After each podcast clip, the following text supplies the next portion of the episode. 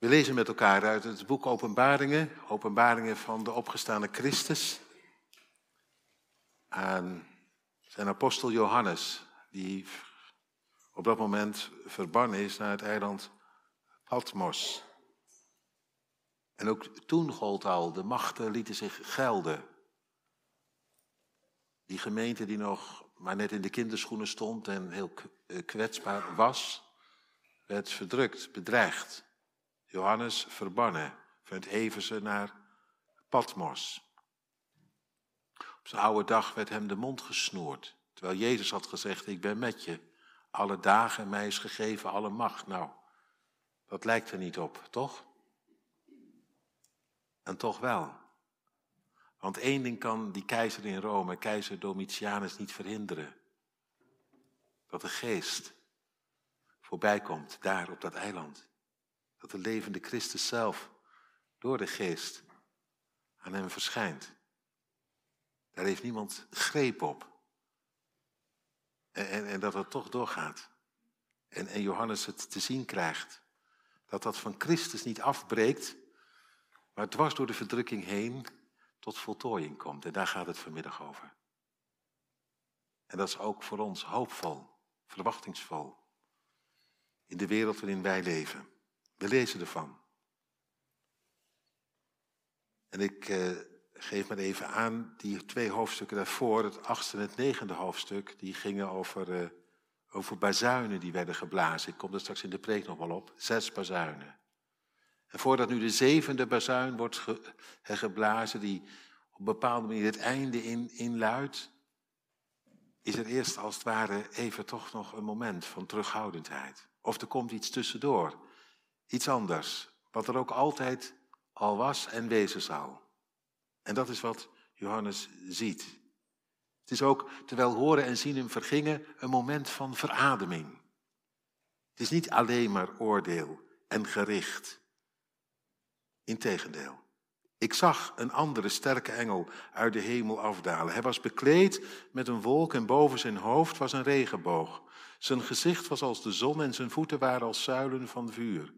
En had in zijn hand een boekje dat geopend was. En hij zette zijn rechterhand op de zee en zijn linker op de aarde. En riep met een luide stem, zoals een leeuw brult. Toen hij geroepen had, lieten de zeven donderslagen hun stemmen horen. En toen de zeven donderslagen hun stemmen hadden laten horen, stond ik op het punt ze op te schrijven. Maar ik hoorde een stem uit de hemel tegen me zeggen: Verzegel wat de zeven donderslagen gesproken hebben en schrijf dat niet op. De engel die ik op de zee en op de aarde zag staan, hief zijn hand op naar de hemel en hij zwoer bij hem die leeft in alle eeuwigheid, die de hemel heeft geschapen met wat erin is, de aarde met wat erop is en de zee met wat erin is, dat er geen tijd meer zou zijn. in de dagen van de stem van de zevende engel, wanneer die op de bezuin zal blazen, zal ook het geheimenis van God worden volbracht, zoals hij aan zijn dienstknechten de profeten verkondigd heeft. En de stem die ik uit de hemel gehoord had, sprak opnieuw met mij en zei: Ga, neem het boekje dat geopend ligt in de hand van de engel, die op de zee en die op de aarde staat. En ik ging naar de engel toe en zei tegen hem: Geef mij dat boekje. En hij zei tegen mij: Neem het en eet het op. En het zal uw buik bitter maken, maar in uw mond zal het zoet zijn als honing. En ik nam het boekje uit de hand van de engel en ik at het op. Het was in mijn mond zoet als honing. Maar toen ik het opgegeten had, werd mijn buik bitter. En hij zei tegen mij, u moet opnieuw profeteren over vele volken, naties, talen en koningen. Tot zover. Gemeente van Christus, hier in de kerk en thuis als je online bent verbonden. Horen en zien waren Johannes vergaan. Ja, echt. Je zult het maar beleven op je oude dag. Nadat eerst die zeven zegels waren opengebroken en er al ik weet niet wat voorbij was gekomen, waarbij je je hart vasthield, waar gaat dat toch naartoe? Waar loopt dat toch op uit? Wat een leed, verdriet, pijn, geweld. En, en, het, en het, het naar die zeven zegels uh, op een eind leek te lopen. Een soort finale. U kunt het nalezen in het zesde hoofdstuk. Begint het opnieuw met dat het zevende zegel wordt geopend. Zeven bazuinen. Het hele scenario begint opnieuw te draaien. Het is zomaar niet voorbij.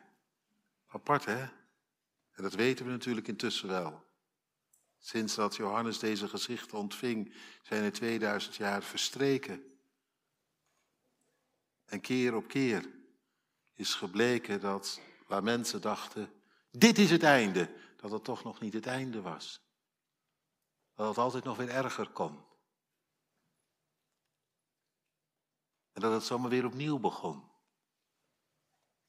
Het leed niet in één keer was geleden.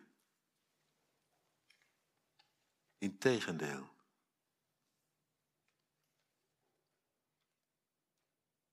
Het is dramatisch wat, wat, wat die Johannes ziet als die zes bazuinen worden geblazen. Het wordt er ook erger op. Het escaleert, zo gezegd. Steeds wordt er gesproken van een derde deel van de aarde, van de zee, van de lucht, van de mensen. Het ging voorbij. Wereldvernietigende rampen.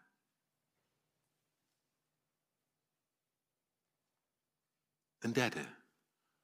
Er zit ook genade in, geduld. Twee derde komt er toch doorheen. Begrijpt u? En tussen je houdt je hart vast. Het is bijna niet te bevatten voor de mens. Het is te veel. Als je het leest in het achtste hoofdstuk, dat er eigenlijk van, van Gods schepping nagenoeg, althans van een derde deel daarvan, niks overschiet.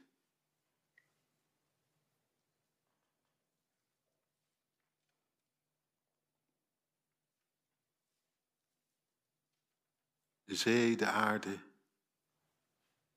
atmosfeer, het wordt allemaal verziekt op zo'n manier dat er dood en verderf heerst.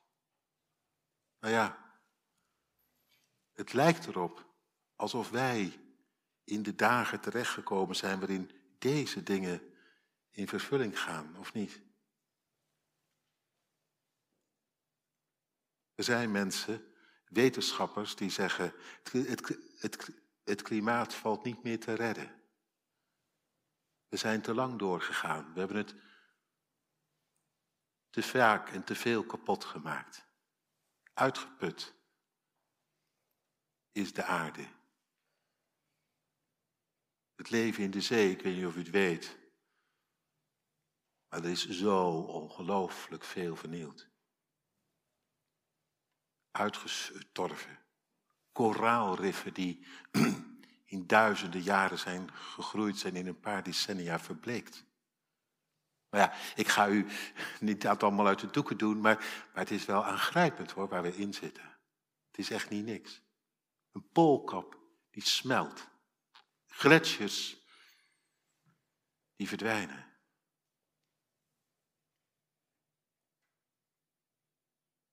U mag ervan vinden wat u ervan vindt, maar ik zie wel iets gebeuren van wat hier staat geschreven. Ik bijna zeggen, je moet wel stekenblind zijn als je, als je zegt, oh nee, maar dat, uh, niks aan de hand. Begrijp het, hè? En waar komen die oordelen nou vandaan? Dat vraag ik even van de kinderen. Waar komen die oordelen vandaan? Er wordt geblazen op een bazuin. Ik denk dat komt van de hemel en dat klopt. Maar hoe komt dat dan? Komt dat zomaar uit de hemel vallen? Nee, dat hebben we zelf opgeroepen. Moet je goed onthouden. Moet je heel goed onthouden. Als het gaat over oordelen van God, die komen nooit zomaar uit de lucht vallen. Oordelen, die hebben we altijd zelf over ons afgeroepen. Die maken wij als het ware gaande. Door ons aan God niet te storen, komen we op doodlopende sporen terecht. Dat is trouwens ook al eerder in Israël met de ballingschap bijvoorbeeld. Hè? Met dat ze God zeg maar buiten de deur hadden gezet. En hoe die ook aangeklopt had en gebeden en gesmeekt of die hun hart mocht hebben. Maar zij hun hart verloor aan de andere goden. Deed God op een dag een stap terug, zei hij nou, dan moet het maar zo worden zoals jullie het hebben bedacht. Dan ben je aan de goden overgeleverd en aan de heidenen erbij. En toen ging heel Jeruzalem in vlammen op en de tempel, het huis van God in puin. Dat was niet omdat God dat had bedacht. Dat was omdat zij niet anders wilden. Dat krijg je ervan. Doet God een stap terug, ben je overgeleverd aan de keus van je eigen hart. Dat is het oordeel. Goed onthouden. En daarom is het oordeel ook altijd recht, rechtvaardig. Het klopt hoor. Het klopt altijd als een bus. En nou ja, laat ik het nog anders zeggen. Het, het, is zelfs zo dat, dat, dat het heel lang duurt. Er heel veel genade zit, heel veel rek, heel veel ruimte. Maar op een dag is het over, uit, klaar. God is er niet zomaar mee klaar. Hij is er na heel lang bidden en smeken is hij ermee klaar. Dus er zit nog een heleboel genade in ook. Zou maar niet te hard over God oordelen. Zou ik maar niet doen. Bij hem zat de rekker wel in. Maar wij kunnen blijkbaar zo ontzettend eigen gereid zijn. Dat, dat, dat het op een gegeven moment, dat bij hem ook de rek eruit is. Moet je ver gaan trouwens, hè, om bij God de rek eruit te krijgen. Dat het bij hem afbreekt, ophoudt.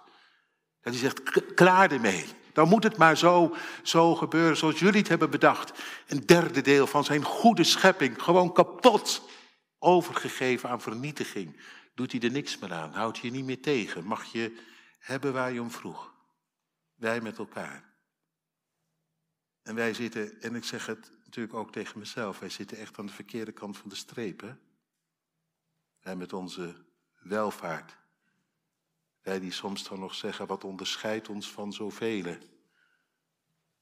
Ik vind dat steeds moeilijker om dat te zeggen. Begrijpt u dat?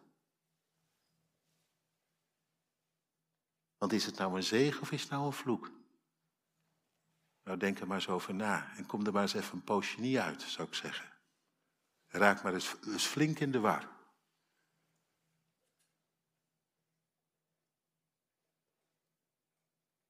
Nou ja, in ieder geval, Johannes die zag het voor zijn ogen, ogen gebeuren. Dat aangrijpende. Vier bazuinen hadden geblazen, toen kwamen er nog twee in het negende hoofdstuk. Eh, ja, ik moet dat toch even zeggen, want anders dan, dan, dan weet je niet waar het in het tiende hoofdstuk over gaat. En, en toen, toen, toen gebeurde er iets zo aangrijpend. De put van de afgrond werd geopend en helse dampen stegen omhoog en het werd verstikkend. En ik ga dat nu verder niet uit de doeken doen, maar het was zo aangrijpend. Mensen leden eraan. Het was geen leven meer. Ze wilden liever, zo staat in dat hoofdstuk, dood dan nog langer leven. Zo hels ging het eraan toe. Zo hels kan het eraan toe gaan in het hier en nu. De zesde bazuin, of eh, de vijfde bazuin. Is die al geblazen? Ja, ik weet het niet precies, maar soms denk ik, het zou goed kunnen, toch? Al minder hemel op aarde, al meer hel. Dat van de hel dat zich al meer openbaart. Wat zich laat gelden. Tuurlijk, toen ook al in het Romeinse Rijk was het ook al één grote goddeloze puinzooi hoor. Die wereld van toen. Maar, het is er sindsdien niet beter op geworden, hè? dat is apart. Dat helse, dat liefdeloze, dat trouweloze, dat onrecht, dat geweld. Dat over lijken gaan. Dat jezelf laten gelden. Dat allemaal, weet je wel. Waar we aan lijden met elkaar, waar we met elkaar kapot aan gaan. En alle ontwikkeling die er sindsdien geweest is, heeft dit niet kunnen voorkomen. Dat het er toch niet beter op geworden is. Tuurlijk, ontwikkeling, daar hebben we het dan over. En wat klopt, technologisch is er best natuurlijk het een en ander vooruit gegaan. Ik ben hier ook niet op een ezel naartoe komen rijden, maar ook met een luxe auto. Ja, dus we doen allemaal mee in de ontwikkeling. Maar intussen met u en mij is nog niet zo erg opgeschoten. De liefde is er niet meer op geworden. Toch? En de trouw ook al niet. En de hebzucht. En de jaloezie. En de hatelijkheid. Daar is bitter weinig aan veranderd. En dat helse, waar we, waar we zomaar in terecht komen, door mee worden gesleept. In plaats dat het er beter op is geworden, zie ik het er eerder, eerder minder op worden, op worden. De put van de afgrond werd geopend. Ik heb in mijn eigen gemeente gezegd, daar ga ik nog verder niet over uitweiden, maar die put van de afgrond die zit in je broekzak, in je telefoon. Die, die is gewoon aanwezig in je leven, de put van de afgrond geopend. Heel de wereld komt daarin voorbij. Daar was de tv van toen ik jong was niks bij. Zaten wij over te, over, over, over, te piekeren, maar dat viel allemaal reuze mee eigenlijk. Had je nog programma's, zat een knop aan en zo, maar tegenwoordig, ja. Hè? De porno is uh, eindeloos. En dat niet alleen. Wat komt er via die telefoon je leven niet in? De hele week door. Wat moet een dominee daar nog tegen doen? Wat moet een vader of een moeder daar nog tegen doen? Als dat, ja. Ja, we zitten er gewoon aan vast. Sommige mensen hebben het intussen gewoon ook natuurlijk als een horloge om hun, uh, hun pols, hè. Komt de hele dag binnen. Van alles en nog wat. Dat is onze informatiebron. Oh ja, zeker. Je hebt er ook de Bijbel op, God zij dank. God maakt er ook gebruik van. Kom ik zo meteen nog op. God zij dank. Ja, ja. God maakt ook gebruik van de techniek, maar de hel ook hoor. De hel ook. Volop, voluit. De put van de afgrond. Heb u het idee dat we eraan gewonnen hebben de laatste decennia?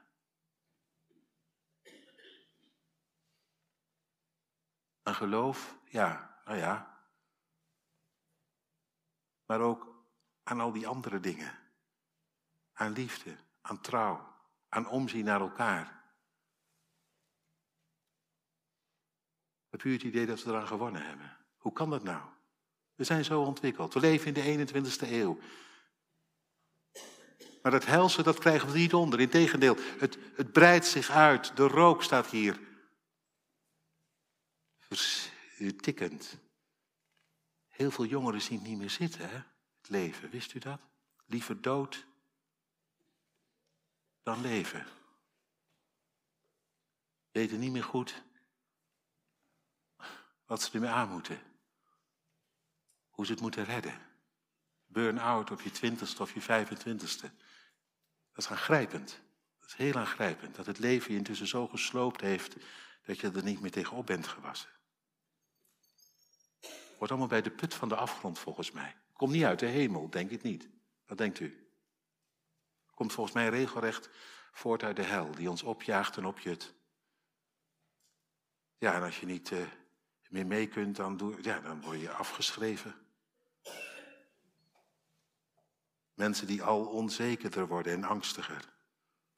De put van de afgrond. En daarbij de zesde bazuin. Geweld als nooit tevoren. Een leger. Ja, ik eh, lees maar even voor hoe groot dat leger is. Dat is een leger zoals je het nog nooit hebt gezien. Het aantal bereden troepen, even voor de kinderen mag je gaan rekenen. Het aantal bereden troepen bedroeg twee maal 10.000 maal 10.000. Ga maar rekenen. Dat was een leger toen en daar, dat was nog nooit vertoond. Zoveel geweld. Dat is dat de hele wereld in brand staat.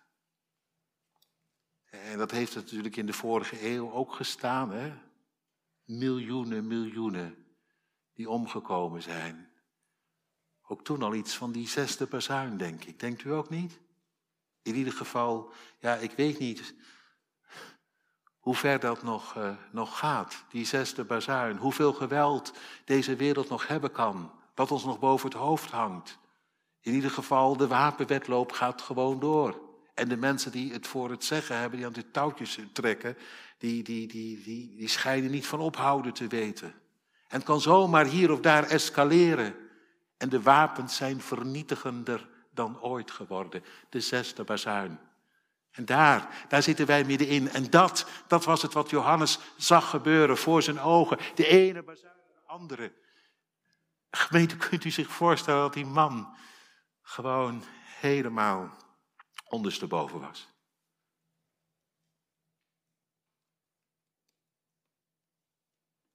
Toen hij dat allemaal voor zijn ogen zag voltrekken. Het ene gezicht naar het andere. En dat op je oude dag notabene. Je zou denken, die man die verdient een mooi appartementje in Jeruzalem met uitzicht op de Tempelberg, vind je niet? Met immuniteit terug uit Eversen. Zouden wij denken, hè? Oh, het is de Heer toch goed hè, voor zo'n man. Hij heeft ook wel verdiend. Nou, in dit geval alleen op een eiland in Patmos. Op, uh, uh, helemaal alleen op het eiland op eh, Patmos. De mond gesnoerd. Niks, geen, geen mooi pensioen. Maar wel gezichten, visioenen. Ja, en dan de vreselijkste gezichten. En dan te beseffen, dit is het. Wat de wereld over zich afroept. Dit is het. Waaraan we zijn overgegeven. En dan, ja, Wat moet je er dan nog van geloven? Van God, van Jezus, van dat wat je hebt gepreekt en hebt gehoopt. En hoe lang is het intussen niet geleden toen hij met Jezus die jaren rondliep en hij opgenomen werd voor hun ogen. Maar waar blijft hij nu? Komt hij nog wel?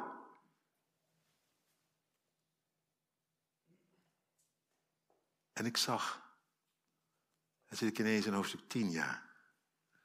Daar middenin.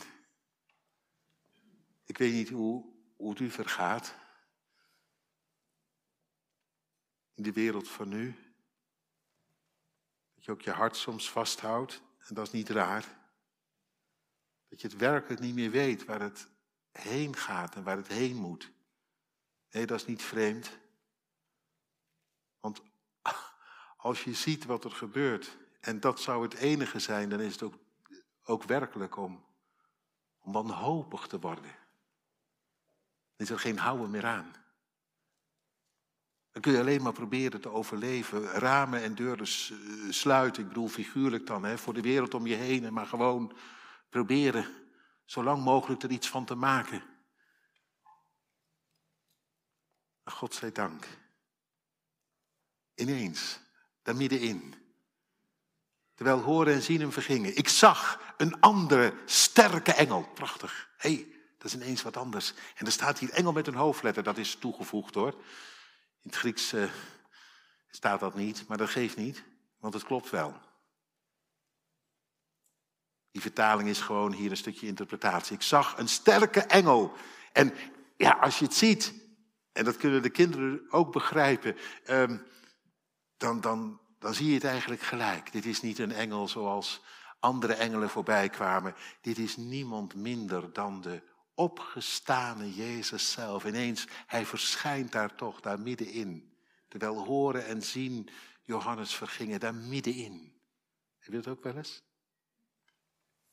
Dat is niet raar. Dat is genade van de hemel. Kan hier gebeuren aan het avondmaal. In brood en wijn. Komt hij ineens zo dichtbij? Dat waar jij soms dacht, waar bent u nu? Dan is hij daar ineens. En dan weet je, wat er ook gebeurt, hij leeft. Hoe weet je dat? Nou, hij kwam mij nabij. Zo nabij dat, dat er geen twijfel aan is. Ik opnieuw door hem werd opgezocht. En het weet. Hij leeft. Kan je gebeuren gewoon in je binnenkamer. Hoe meer jij in je binnenkamer verkeert, ik mag hopen dat u dat doet en dat jij dat doet. Je weet wel wat het is, hè, een binnenkamer. Dat is een plek waar je samen kunt zijn met God, je slaapkamer of zo. Hoe meer jij daar verkeert met God, hoe meer je dat gewaar zult worden. Dat hij ineens daar dan zomaar voorbij komt door een woord en van zich laat horen. Echt. En er staat geen leeftijd voor.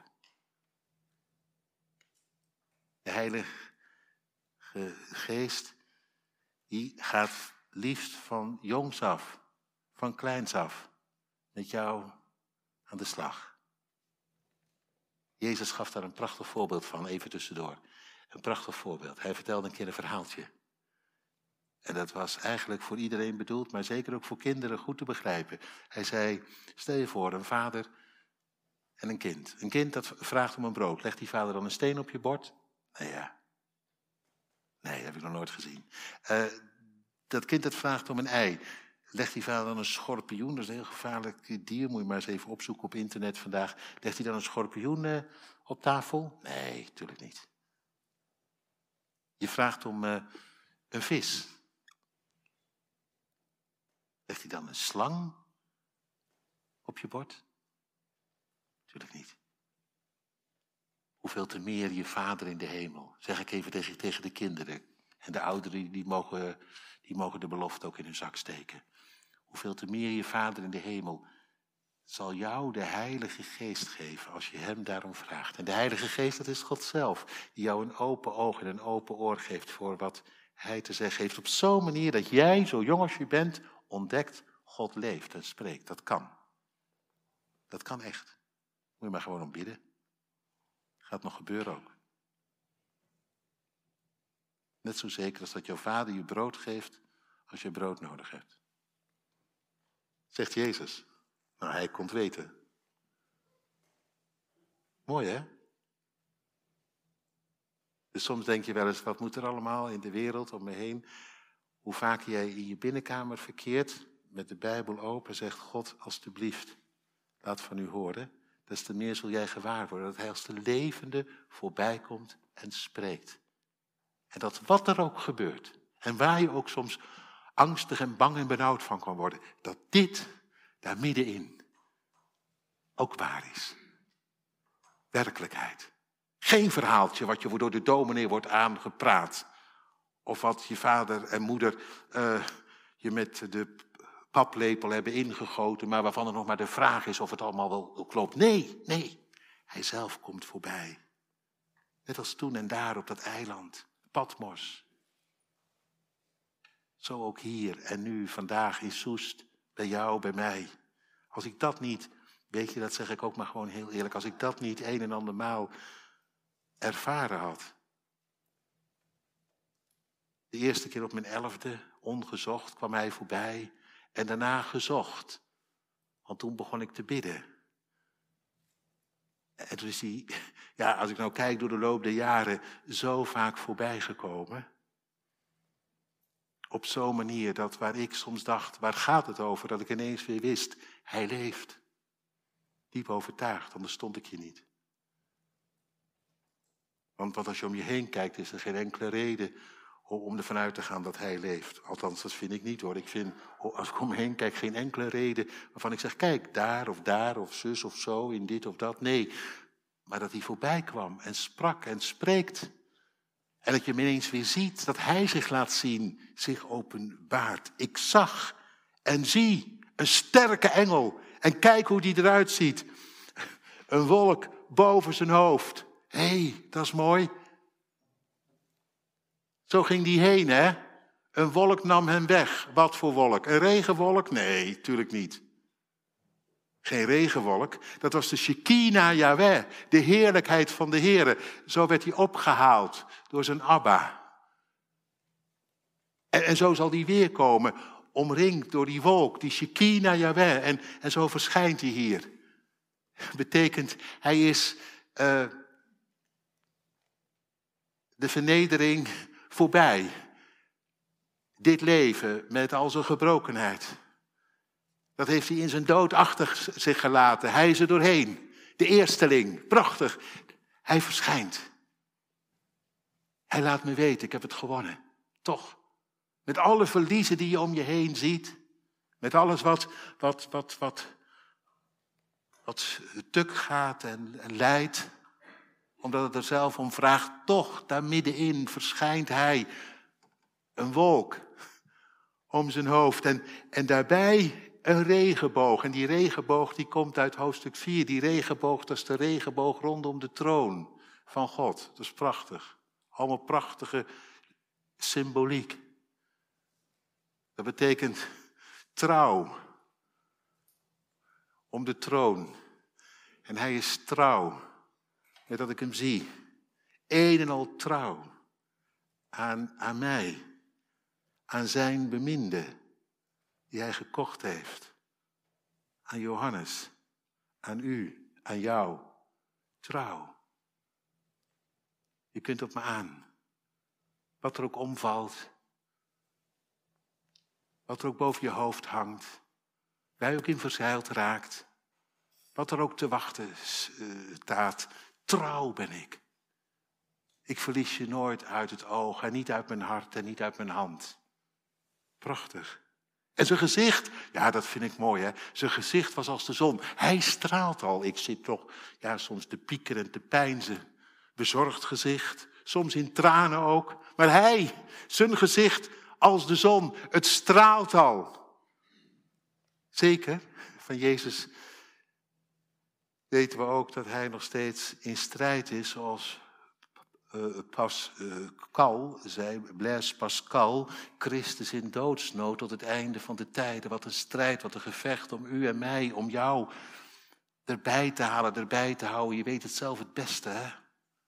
Wat moet hij niet overwinnen? En als je dan bedenkt uit alle volkeren, talen, geslachten en natie. En ik, ja, hij is er ook vandaag mee in de weer, dat weet ik zo zeker als wat. Zo zeker als dat u hier zit. Maar ja, u bent niet de enige, integendeel wereldwijd gezien. Wat zou hij toch allemaal niet doen vandaag? Bent u ook benieuwd? Ik kan er soms zo benieuwd naar zijn hoeveel er vandaag weer worden aangeraakt en toegevoegd. Maar wat een karwei, hè? In doodsnood, want het is een gevecht met de hel om jouw hart, toch? Of niet? Dat weet je zelf ook wel. Nou ja, goed in ieder geval. Maar tegelijk, hier in dit gezicht, een stralend gezicht, prachtig. Een en al overwinning straalt mij tegemoet. Met andere woorden, hij straalt al, terwijl ik nog in tranen ben. U kent die psalm wel, hè? die 89 is zo mooi. Uw goedheid straalt hun toe. Uw macht schraagt hen in het lijden. Uw onbezweken trouw zal nooit hun val gedogen, maar uw gerechtigheid hen naar uw woord verogen. Nou, zo komt hij ons hier tegemoet vanmiddag. En zijn voeten waren als vlammen van vuur. Hey. dat is wel eng, vind je niet? Dat vraag ik opnieuw aan de kinderen. Voeten als vlammen van vuur. Nou, als die over je heen lopen.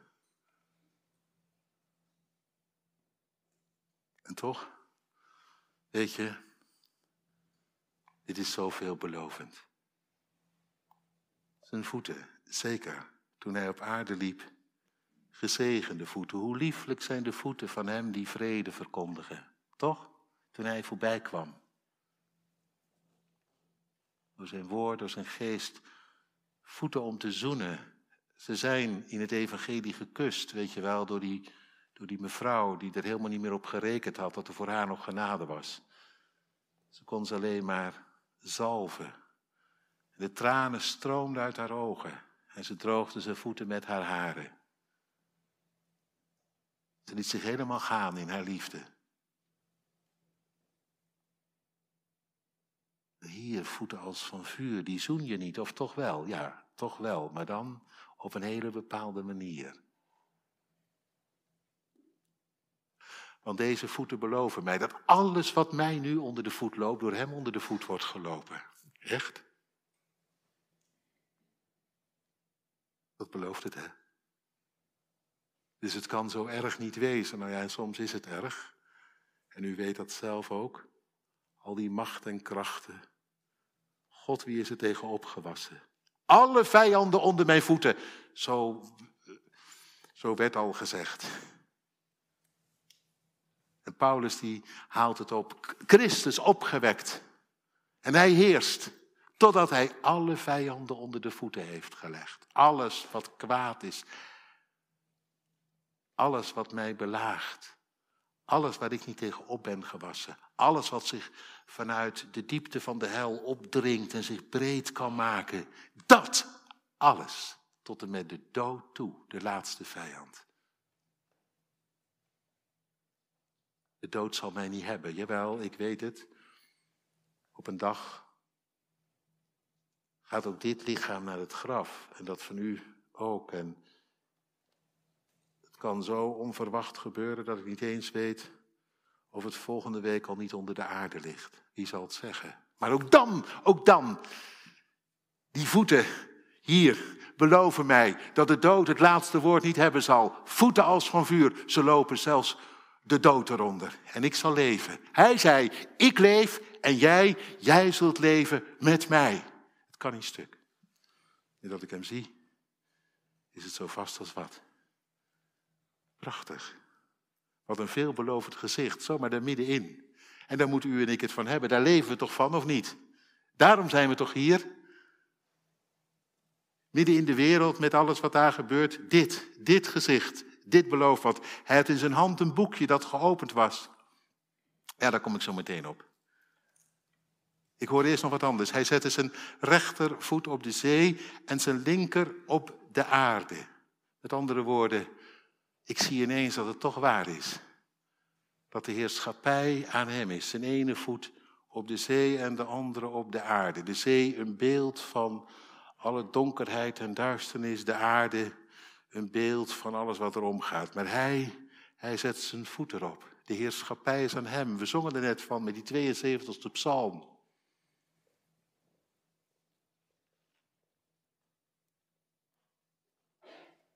Ik zie hem niet en toch ik zie hem wel. In geen veld of wegen is hij soms te bekennen. Ineens verschijnt hij hier op een manier die mij hoop en moed geeft. Hij riep met luide stem als een leeuw die brult. Hé, hey, dat is apart. Zo kennen we Jezus niet. We kennen hem als het lam en dat is mooi. Het lam dat is geslacht. Het lam voor de troon, in de troon. En daarom een genadetroon. En daarom, daarom kunnen u en jij en ik, en dat weet je al lang. Dat weet je al lang, dat is helemaal niet nieuw wat ik nu zeg. Maar daarom kunnen u en jij en ik vandaag terecht. Want er is maar één troon. Dat is de troon van Hem. Voor wie het lam staat als geslacht. Dat kan niet missen hoor. Als je buigt en knielt, dan uh, word je opgewacht met genade. Is een verzoening bereid. Wat je ook op je eh, kerfstok hebt. Dus wat dat betreft, het is zo royaal en ruim als wat. Liefdevolle kun je het niet krijgen, maar ineens hier, als hij verschijnt. Zijn ene voet op de aarde, de andere op de zee. Brult hij als een leeuw. Ja, dat krijg je ervan. Als je van het lam niet bent gediend. Dat krijg je ervan. Dan krijg je een leeuw die brult. En dat komt uit het Oude Testament al bij Amos voor. Dat is heel af en toe. Dat God brult als een leeuw. En dan mogen de vijanden wel oppassen. Maar ja, oppassen, dan is het gewoon gedaan. Er is er geen redder meer aan. Onze redder zal onze rechter zijn. En dat is iets om ja, sowieso voor jezelf, denk ik, eh, ter harte te nemen, lijkt mij. Ik zou het in ieder geval maar doen. Maar, maar het is ook iets, ja, niet alleen maar om te huiveren, maar ook om te hopen. God, dat wat zich nu verheft en wat het hoogste woord voert en de grootste mond heeft en u brult als een leeuw. En al datgene wat zich opblaast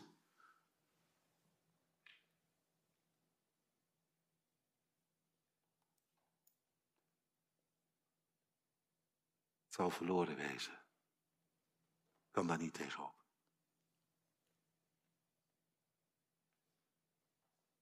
Toen hij geroepen had, lieten de zeven donderslagen hun stemmen horen. Zeven donderslagen. En dan wil Johannes, die wil dat op gaan schrijven. En dan zegt de engel, nee, nee, nee, nee, dat ga je niet doen. Die zeven donderslagen blijven geheim. En dat vond ik wel apart. En dat is ook goed dat we dat hier even lezen, die zeven donderslagen. Dat die geheim blijven. Want er zijn natuurlijk altijd mensen die willen gaan rekenen. Hè? Zeggen dit en dat en dan zus en dan zo. En dan zo'n hele puzzel leggen. Maar dat kan dus niet. Dat kan dus niet. Dat zie je hier. Dus ik zou je ook op andere plekken in openbaringen kunnen zien. Maar hier wordt het wel even heel duidelijk. Die zeven donderslagen die, die ergens het einde inluiden. Het laatste bedrijf van het scenario. Die zeven donderslagen, die zijn niet opgeschreven. Daar krijgen u en ik geen inzage in. Bij dat laatste bedrijf geen programmaboekje, zo gezegd. Dat blijft geheim. En dat klopt. Want Jezus zei, het is niet aan u. Vlak voordat hij heen ging kun je nalezen in Handelingen 1. Het is niet aan u om te weten de tijden en de gelegenheden die, zijn die de Vader gesteld heeft in zijn eigen macht. Dat blijft echt aan hem. Je kunt rekenen zoveel je wilt, maar je rekent altijd mis. Het enige wat u en mij gegeven is, is te leven bij de troon en te weten, het laatste woord is aan hem. Dat staat hier geschreven, dat wordt hier zichtbaar. Intussen, ja, dat is wel veelbelovend. Eh, trouwens, het vervolgt dan. Hè. De engel die ik op de zee en op de aarde zag staan, hief zijn hand op naar de hemel. En dan moet u goed luisteren, dat is zo mooi. Dat is mooi, dat kan ik, daar kan ik bijna niet over preken, weet u dat? Zal het voor u lezen. En hij zwoer bij hem die leeft in alle eeuwigheid, die de hemel heeft geschapen met wat erin is, de aarde met wat erop is en de zee met wat erin is, dat er geen tijd meer zou zijn. De tijd voorbij. Deze tijd. De tijd met al haar gedoe. De tijd met alles wat erin omgaat. De tijd, u weet het wel. Die tijd van u en mij. Die tijd van zwoegen en zweten. Die tijd van, van rennen en stressen. Die tijd natuurlijk ook van genieten en van blij zijn.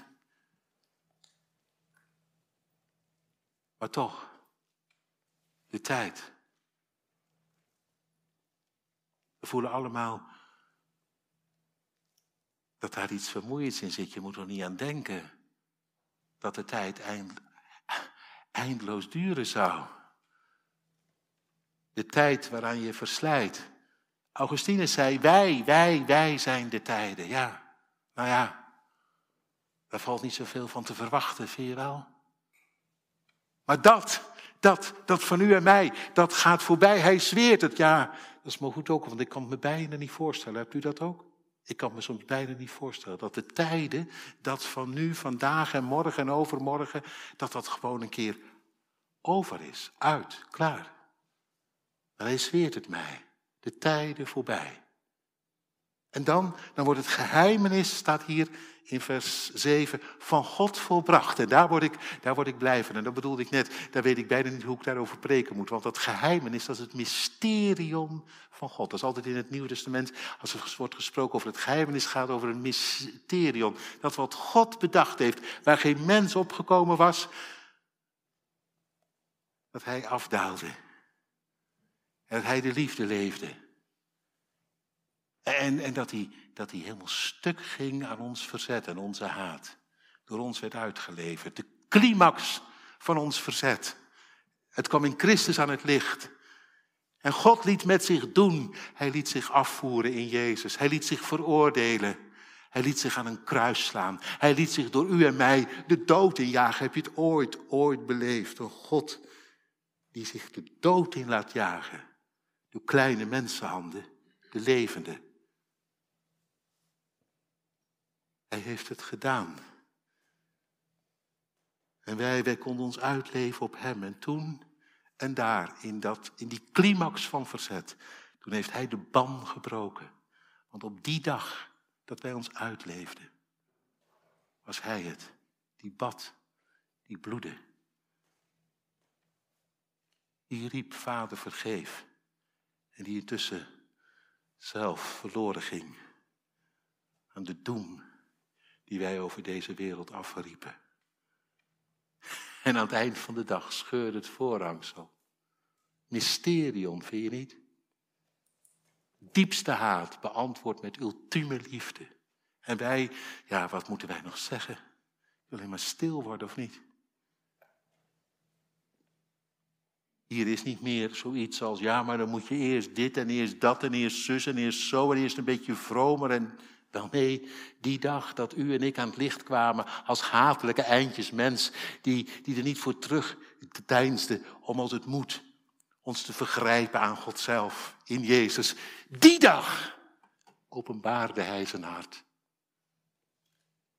Scheurde het voorhangsel. Konden u en ik gewoon terecht. En gewoon op een manier die ongedacht is, genadig. Mysterion. En dat mysterion staat hier, dat wordt volbracht. Hoe dan? Nou, dat dat van u en mij, dat dat voorbij gaat en dat ik kom waar ik wezen moet. Het mysterion volbracht, in hem gered. Zijn dood, mijn dood. Zijn leven, mijn leven. Zijn verhoging, mijn verhoging. Weet u, ik sta hier en u zit hier, maar weet je waar het naartoe gaat? Ik weet niet hoe lang het nog duurt, voor u, voor jou, voor mij, ik weet het niet, maar ik weet één ding wel, daar gaat het naartoe. Met mij. Ik, ik kan er echt niet goed bij, weet u dat? Ik kan er niet goed bij. Ik preek erover, maar ik kan er niet bij. Dat, dat, dat, dat zo meteen de tijd voorbij is met alle gedoe erin, met tranen gedroogd, mysterion volbracht. Ik helemaal tot mijn bestemming in zijn licht, in zijn liefde. Een hele nieuwe aarde die voor mij, die aan mijn voeten ligt. En, en, en God zelf onder ons. Een tent die opslaat. In en uitlopen. Nou ja, de beelden lopen door elkaar. Maar één ding is, is, zo, is, is zo zeker. Niet dat van mij, van hier en nu, zal het laatste wezen. Maar dat van Hem. Op een manier die al mijn begrip te boven gaat. Oh ja, en dan nog één ding. Dat boekje, hè? Ja, dat boekje. Nou, daar wou ik maar niet te lang meer over preken, over dat boekje. Want u weet natuurlijk wel wat dat boekje is. Weet jij denk ook wel, hè, wat dat boekje is. Wat denk je? Weet je het? Dat boekje in de hand van de engel? Je mag het wel zeggen als je het weet.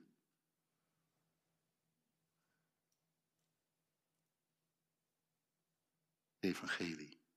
Het boekje. Dat boekje. Moet Johannes opkomen halen. Neem het uit de hand van de engel. Opnieuw op je oude dag. Ik wel apart. Alsnog, opnieuw. Dat boekje alleen, daar moet je het mee doen, Johannes. En jij mag ervan eten, van leven. Het zal in je mond zoet zijn. Ja, zoet smaken. Het zal je goed doen. Zoet als honing. Mooi, dat zijn woorden ook uit het Oude Testament, Ezekiel, Jeremia, de profeten hadden er ervaring mee. Met het eten van de woorden van God en hoe goed die smaken. Jeremia die zei ooit dat het iets had van een feestmaal. Toen ik uw woorden vond, heb ik ze opgegeten. En uw woord is voor mij geweest tot vreugde en blijdschap van het hart. Daar valt een twee-sterren-restaurant bij in niet, weet je dat? Nou, en het is wat hoor, een twee-sterren-restaurant. Ik weet niet of je er wel eens geweest bent, maar dan eet je echt uh, zoals je nooit gegeten hebt. Maar, maar dit, dit is meer. Dit voedt, dit voedt op een manier tot vreugde en blijdschap van je hart notabene. Niet alleen doet het je lichaam goed, maar alles, helemaal.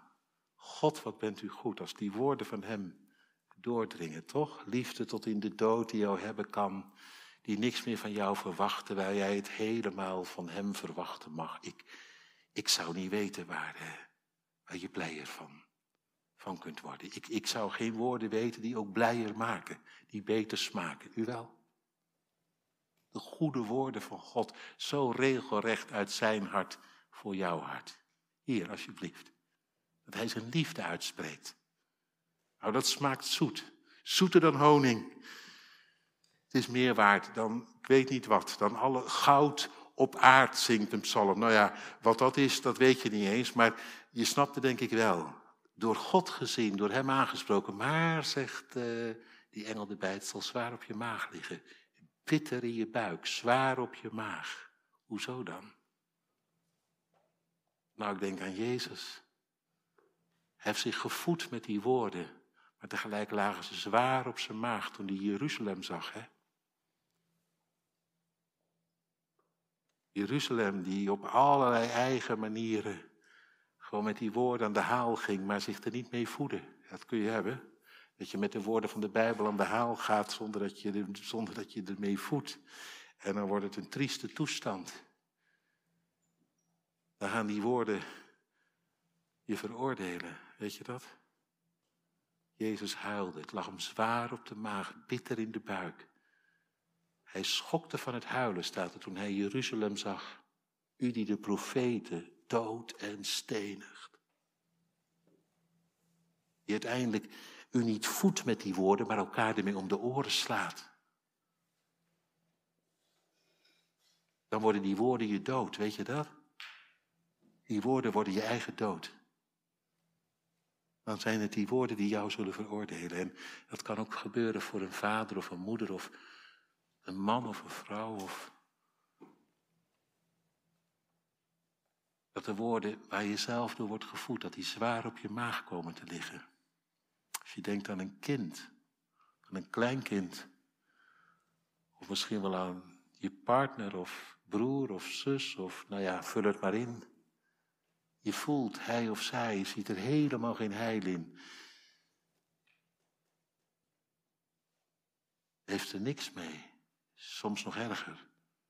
Kotst erop, op die woorden van God. Kan. Dan komen ze zwaar op je maag te liggen. Zo zoet als ze smaken in je mond. En je denkt je, God, hoe moet dat nu? En dan staat er aan het slot, en dat ga ik echt mee eindigen nu. U moet, wat moet je? Op je oude dag, ja, u moet. Ik vond dat heel apart toen ik dat, toen ik dat las en toen het op me doordring. U moet opnieuw profiteren.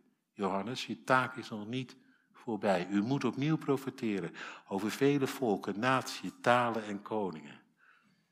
Nog niet met meditaat, nog niet met pensioen, althans niet in het koninkrijk van God. U moet opnieuw. Hoe moet je dan als je daar gevangen zit? Nou, door op te schrijven en rond te sturen, dat is het voorlopig. Je kunt niet zoveel meer beginnen. Maar dan doe je maar wat je nog wel kunt. U moet. En nou zeg ik tegen u en tegen jou en tegen mezelf erbij. Dit boekje. U moet. Het is niet alleen voor jezelf, om ervan te genieten. Zodat het zoet smaakt in je mond, maar het is om uit te delen, door te geven. Ieder die jij ontmoet. U zegt, dat kan ik niet. Ja, dat snap ik wel. Nou, weet je, we heb ik een idee. Dan ga je met dat probleem vandaag naar je binnenkamer. Zullen we dat afspreken? En anders hou je mond. Dan zeg je gewoon, ik begin er niet aan. Dan even eerlijk worden. Dat kan. Je zegt, daar begin ik niet aan.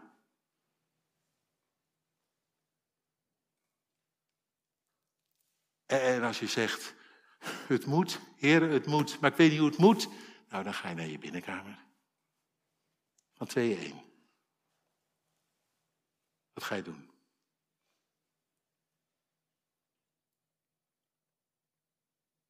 Nu geen uitvlucht, hè? Of eerlijk zeggen, begin er niet aan. Zo niet weten hoe het moet, dus. Uh, nou ja. Dan moet u straks er niet verbaasd van staan als u misschien net aan wordt gered. Zo staat er in de Bijbel, net aan door het vuur. En hij zal zeggen, waarom ben jij hier zo alleen? Waarom heb jij niemand meegenomen?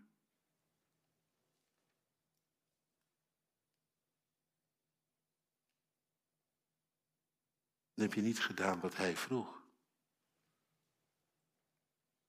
En als je nou niet weet hoe het moet, maar wel weet het, dat het moet, dan ga je naar je binnenkamer en dan praat je er net zo lang over met hem, totdat je ontdekt dat hij het doet. Door jou heen, door de kracht van zijn geest. Trouwens, daar had die Johannes het ook van, hè, van de geest die over hem was gekomen waar hij om gebeden had. Daarom was hij het geworden. Getuige van Jezus. Amen.